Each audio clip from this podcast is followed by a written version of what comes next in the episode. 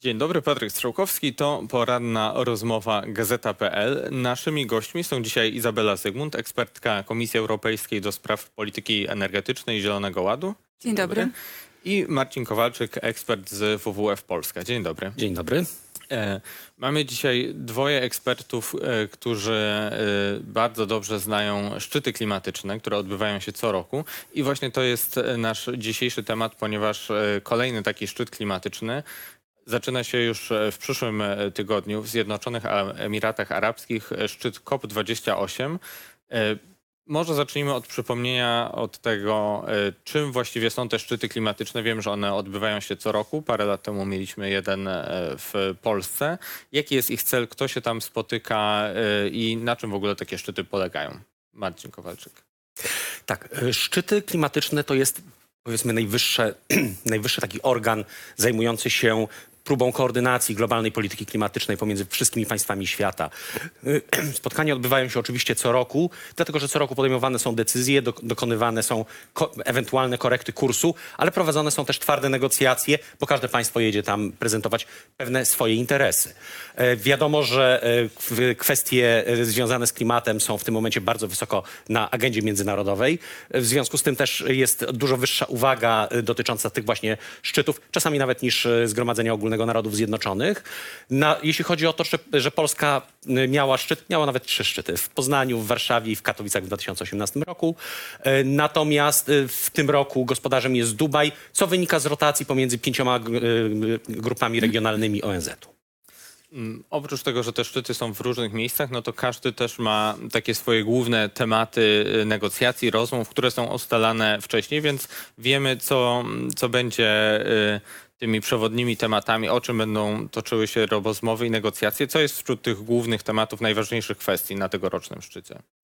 Jedną z najważniejszych kwestii na pewno będzie e, dokończenie rozmów na temat em, Funduszu Strat i Szkód Klimatycznych, czyli e, Loss and Damage. E, to jest jakby takie polityczne porozumienie w sprawie decyzji o tym, żeby w ogóle ten fundusz utworzyć, jakby podjęto na ubiegłorocznym kopie w Egipcie. No i zadaniem tego kopu będzie, będzie dokończenie tego, jakby stworzenie takiej instytucjonalnej struktury dla, dla funkcjonowania tego, tego funduszu tak zwanych reparacji klimatycznych, jak się to czasami e, określa. Nie wiem, może warto... e, No właśnie, o co e, chodzi? Na, tak. czym, na czym polegają? O, co, o jakich tutaj szkodach i stratach mówimy? Jeżeli chodzi o finansowanie klimatyczne, mamy tutaj takie dwa, powiedzmy, obszary. Pierwszy to jest ta, ta obietnica 100 miliardów dolarów rocznie z, z państw rozwiniętych dla państw rozwijających się na działania służące ograniczaniu emisji i adaptacji do zmian klimatu, ale to jakby jest jeden rozdział finansowania klimatycznego, natomiast od wielu lat było postulowane- przypomnijmy, Tak. że to jest e, w 2015 roku już, e, przy, e, czy kiedy, od kiedy jest ta obietnica, bo to jest temat, który też wraca przy tych kolejnych kopach, więc wyjaśnijmy jeszcze o co chodzi z tymi 100, 100 miliardami dolarów. W 2009 roku w Kopenhadze po raz pierwszy pojawiła się ta liczba 100 miliardów dolarów w nieudanym jednak porozumieniu kopenhaskim, w związku z czym została potwierdzona ona decyzją KOP-u w 2010 roku w Cancun. I tutaj chodzi o mobilizację środków pomocowych dla państw rozwijających się. To nie jest bezpośrednie dostarczanie z budżetów państw rozwiniętych, e, ale mobilizacja również pewnego rodzaju środków prywatnych. E, Ona powinna zostać, do, e, 100 miliardów powinno zostać mobilizowane co roku od roku 2020. W 2015 roku faktycznie ten cel został przedłużony do roku 2025, a jednocześnie przewidziano rozpoczęcie prac nad nowym celem od tego progu 100 miliardów. Te prace mają zostać zakończone w przyszłym roku. Dobrze, a to o czym e, pani mówiła, ten fundusz e, szkód i strat, to jest inne, inny rodzaj Tak. finansowania, ale też ma on polegać na tym, że bogatsze kraje, bardziej rozwinięte będą wspierać te mniej rozwinięte, które też są jednocześnie tymi najczęściej bardziej dotykanymi przez skutki zmiany klimatu. Tak, dokładnie. W tym, e, w tym e, funduszu chodzi o rekompensowanie tych szkód i strat, które wynikają z kataklizmów, ze, ze zmian klimatu już zachodzących e, i z którymi państwa rozwijające się jakby mają kłopot, żeby sobie poradzić ze względu na swoje ograniczenia finansowe, ze względu na fakt, że jakby są kraje globalnego południa nieproporcjonalnie bardziej dotykane tymi, tymi zjawiskami. No i też jakby ze względu na to, że e, jakby one historycznie ponoszą najmniejszą odpowiedzialność za te wszystkie emisje, które teraz powodują zmiany klimatu. Stąd e, jakby te, te, te pieniądze mają trafiać do państw e, rozwijających się i pomagać im w radzeniu sobie z tymi, z tymi no generalnie ze skutkami kataklizmów tak naprawdę, ze skutkami podnoszenia się poziomu mórz, z tym wszystkim, cze- czemu już nie można zapobiec, co już się dzieje, co wywiera konkretne skutki społeczne i gospodarcze i, i jakby utrudnia, utrudnia tym państwom funkcjonowanie. Stąd e, ten fundusz e, jakby ma powstać. Nie będzie tym razem na kopie e, profesora Salimula Haka, który był takim e, weteranem i liderem tych, tych negocjacji przez, przez wiele lat. On niestety zmarł przedwcześnie kilka tygodni temu, ale mówił jeszcze wiosną tego roku, że to jest bardzo ważne właśnie ze względu na to, że te zjawiska już się dzieją, żeby ten fundusz uruchomić jak najszybciej. I tutaj Unia Europejska będzie jakby e, bronić tego roboczo wynegocjowanego e, kompromisu po to, żeby, żeby te negocjacje e, na tym kopie zamknąć i żeby fundusz mógł być uruchomiony jak najszybciej. Tak jak e, pani mówiła, jest tutaj bardzo duża dysproporcja pomiędzy tym, kto odpowiada prze, przede wszystkim za zmianę klimatu, a tym, kto, kogo dotykają jej skutki. E, 80, około 80% emisji gazów cieplarnianych to jest 20 największych gospodarek e, świata, Stany Zjednoczone, Chiny, ale też Unia Europejska. No a dużo więcej krajów z mm, mniejszym PKB, e, z mniejszymi środkami to są te, gdzie te skutki są odczuwalne.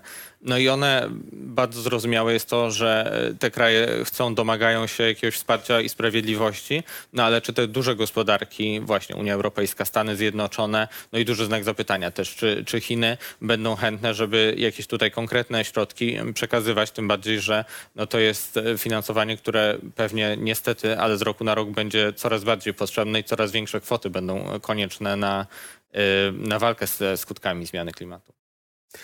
E, Zdecydowanie to jest problem, żeby zmobilizować odpowiednie środki. Przy czym jeśli chodzi o kwestię Chin, to sprawa jest trochę bardziej skomplikowana. Ze względu na to, że Chiny zgodnie z zapisami konwencji klimatycznej są zaliczane do państw rozwijających się, nie do państw rozwiniętych. Więc pomimo, że ponoszą coraz większą odpowiedzialność za emisje zarówno aktualne, jak i globalne, cały czas pozycjonują się jako to państwo, które raczej powinno być upoważnione do otrzymywania pomocy niż jej udzielania. I to stanowi troszeczkę kość niezgody również między innymi ze Stanami Zjednoczonymi, z Unią Europejską, dla których to państw czy bloków bardzo istotne jest poszerzenie bazy donorów, uwzględniając zmiany w gospodarce światowej, które miały miejsce w ciągu ostatnich 30 lat. E, To jest bardzo, bardzo drażliwa kwestia, bo czasami niektóre z państw rozwijających się postrzegają to jako próbę przerzucenia odpowiedzialności z tych bogatych państw rozwiniętych na państwa rozwijające się i traktują to z bardzo dużą dozą nieufności. Co jeszcze będziemy mieli wśród tych priorytetów czy tych głównych tematów rozmów na tym szczycie? E, Dla Unii Europejskiej jakby najważniejszym tematem tak naprawdę będzie jakby odnowienie tego politycznego zobowiązania do zatrzymania globalnego ocieplenia na poziomie e, maksymalnie półtora stopnia. E, Mieliśmy w ostatnich tygodniach i miesiącach serię raportów, które mówiły o tym, że, że ten cel wymyka nam się z rąk, że jakby zostało już bardzo niewiele czasu na, na wejście na to tempo działań, które pozwoli, pozwoli go osiągnąć i Unia Europejska jedzie tam po to, żeby uzyskać takie zobowiązanie, e, że e, w kolejnych, w kolejnych latach e, rzeczywiście ten poziom ambicji zostanie odpowiednio podniesiony. I takim konkretnym wy, wyrazem, czy jakby prze, przejawem tego jest taka inicjatywa, którą przewodnicząca komisji Ursula von der Leyen przedstawiła jeszcze wiosną e, tego roku. Globalne zobowiązanie do potrojenia e, mocy odnawialnych źródeł energii e, na całym świecie, czyli do osiągnięcia poziomu 11 terawatów mocy zainstalowanych źródeł energii i do podwojenia tempa poprawy efektywności energetycznej.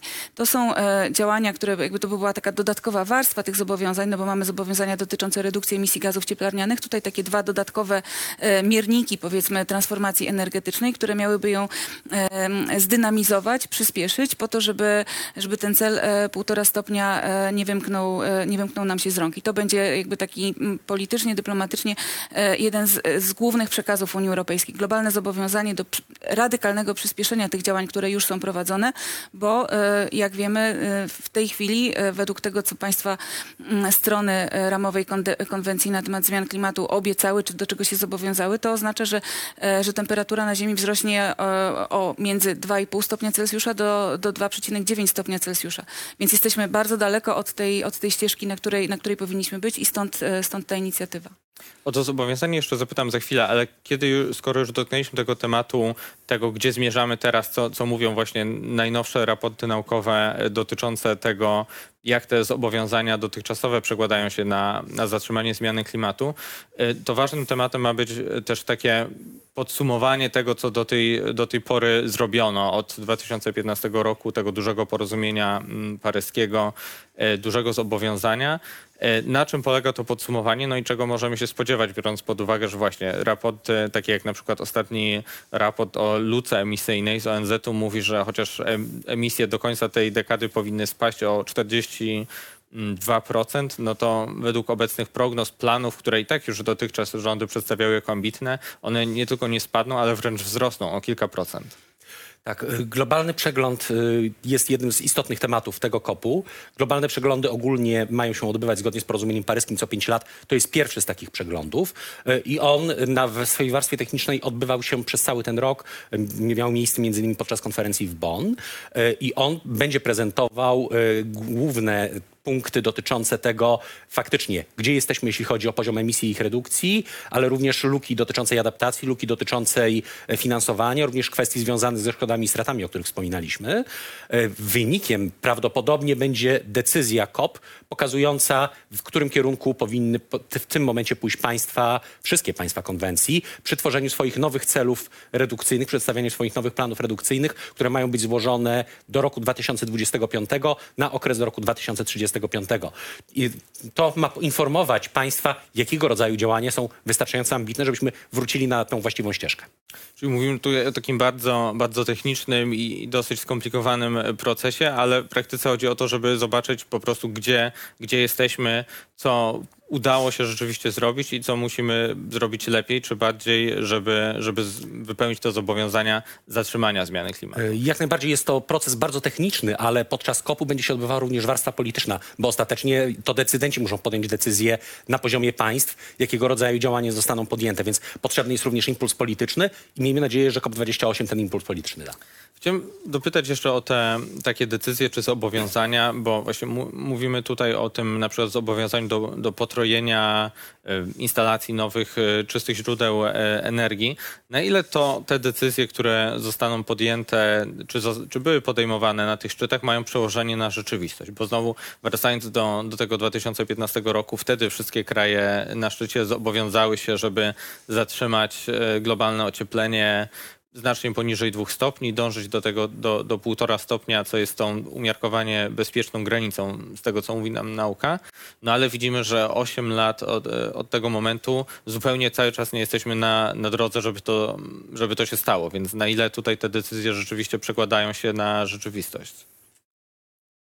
Do kogo pytanie?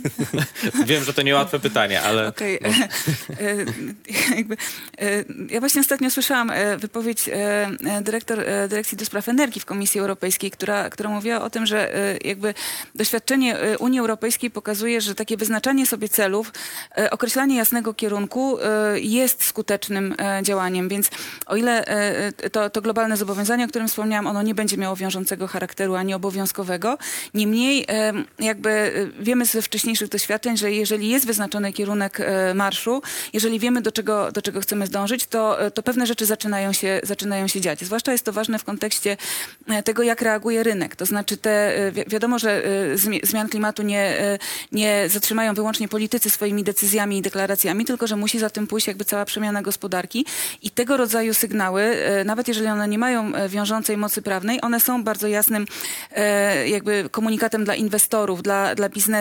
E, Ci, ci ludzie wiedzą, że to prawdopodobnie w dalszym etapie będzie się jakoś przekładało na prawo, na, e, na, na regulacje finansowe, na, na cały szereg różnych innych warunków, w jakich działa biznes i stąd jakby ten impuls jakby popycha sprawy do przodu, nawet jeżeli, nawet jeżeli nie jest to e, jakieś prawnie wiążące zobowiązanie. Jeszcze może dodam, że y, tak naprawdę częściowo te decyzje również mają przełożenie na legislację w niektórych państwach, chociażby na legislację unijną, która bardzo często powstawała właśnie w oparciu o decyzje podejmowane przez COP. Chociażby pakiet Fit for 55 wynika z tych informacji, które pojawiały się na poprzednich COPach i stanowi tak naprawdę wzmocnienie pierwotnego celu na rok 2030, który wynosił tylko 40%. No właśnie, no bo jeżeli Unia Europejska, czy, czy też powiedzmy rządy poszczególnych państw Unii podpiszą się pod takim zobowiązaniem, że tak, chcemy potroić ilość e, e, energii odnawialnej, no to jeszcze nie znaczy, że komisja, ani rządy, ani Komisja Europejska będzie sama stawiać e, wiatraki czy panele fotowoltaiczne, ale to oznacza, że powinni wtedy na przykład wprowadzić takie prawo, które sprawi, że to rzeczywiście będzie możliwe. Zgadza się? Tak, dokładnie. No, za, za tymi politycznymi e, zobowiązaniami jakby potem e, idzie kolejny etap, rusza e, praca legislacyjna i jest to przekuwane w konkretne regulacje dotyczące tego, e, jakby co można robić, jak można robić i jak to jest finansowane. Chciałbym popytać też o to, e, gdzie odbywa się ten szczyt i, i pod czyim przewodnictwem, ponieważ to był temat e, sporych kontrowersji, a nawet protestów w tym roku. Gospodarzem szczytu są, jest, e, jest Dubaj, a jego przewodniczącym zawsze jest tak, że e, przedstawiciel danego kraju jest e, przewodniczącym e, tego szczytu. Przypomnijmy, na przykład u nas w Katowicach przewodniczącym był Michał Kurtyka, późniejszy minister klimatu. Tym razem przewodniczącym jest e, Sultan Al-Jaber, e, szef Abu Dhabi National Oil Corporation, czyli firmy zajmującej się produkcją ropy naftowej, która produkuje 4,5 miliona baryłek ropy naftowej dziennie. A teraz będzie, czy teraz, w przyszłym tygodniu będzie przewodniczył największym, najważniejszym globalnym obradom na temat zatrzymania zmian klimatu. Jak te dwie rzeczy się spinają i e, czy, czy można liczyć na sukces takiego szczytu, gdzie przewodniczący z jednej strony mówi o, o potrzebie zatrzymania zmian klimatu, a z drugiej jest szefem firmy, która czerpie zyski z ropy naftowej? Na pewno istnieje pewne ryzyko y, w przypadku tego szczytu. Niemniej jednak trzeba zwrócić uwagę, że każde państwo, które decyduje się na y, organizowanie takiego szczytu, robi to w celu osiągnięcia faktycznie sukcesu y, w szczytu. Raczej żadne państwo nie zorganizuje i nie wyda naprawdę ogromnych pieniędzy na organizację takiego przedsięwzięcia, tylko po to, żeby potem ponieść porażkę i nie osiągnąć tych celów, które były założone.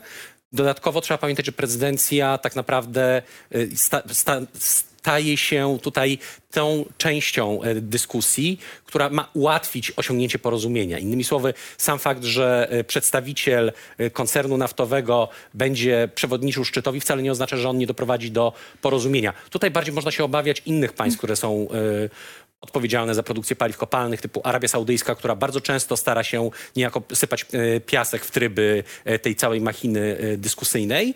Natomiast w przypadku Zjednoczonych Emiratów Arabskich należy liczyć się z tym, że raczej będzie, będą dążyli do osiągnięcia jakiegoś porozumienia, żeby się pochwalić jakimś wynikiem na koniec szczytu.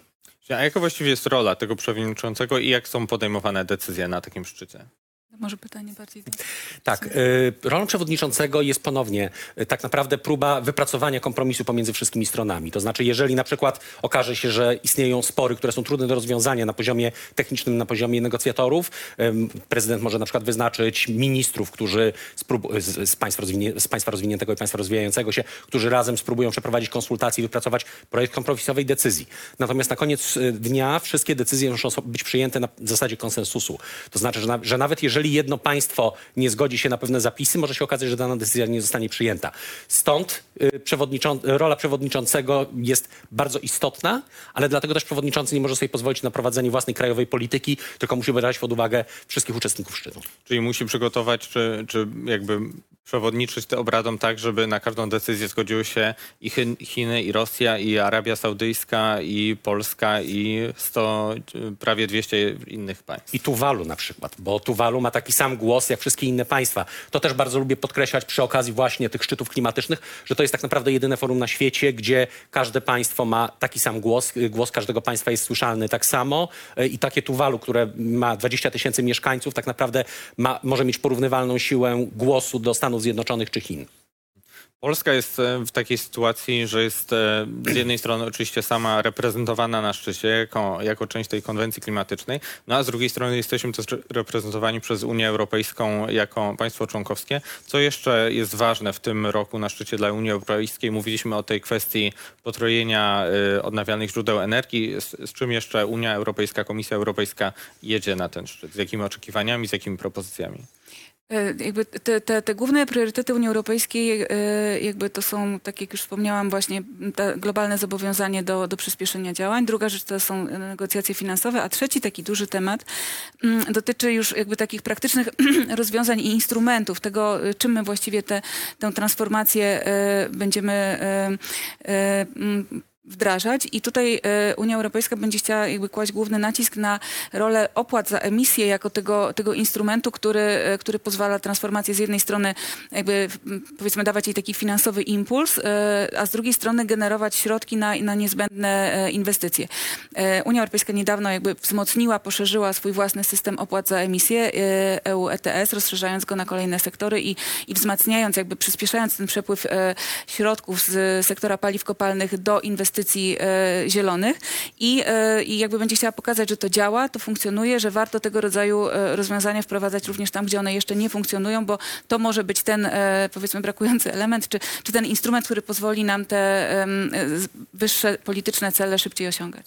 Poza Unią Europejską funkcjonują takie systemy? Tak, jest ich, jest ich wiele, chociaż ten europejski jest, jest największym i powiedziałabym chyba najbardziej zaawansowanym.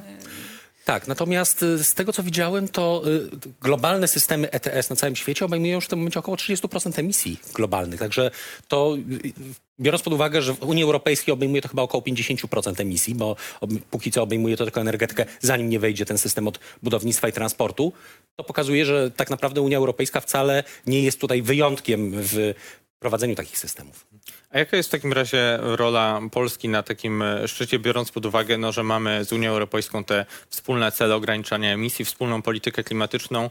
E, Czy mm, głos, czy Polska też na takich szczytach e, próbuje coś, coś ugrać, coś wynegocjować, czy raczej po prostu trzymamy się tego naszego europejskiego bloku, jeśli chodzi o te negocjacje? Co do zasady, zgodnie z zasadą lojalnej współpracy, Polska jest reprezentowana na szczycie przez przedstawicieli Unii Europejskiej, co wcale nie oznacza, że nie ma tam przedstawicieli Polski, bo jednym z głównych unijnych negocjatorów obecnie jest Polak.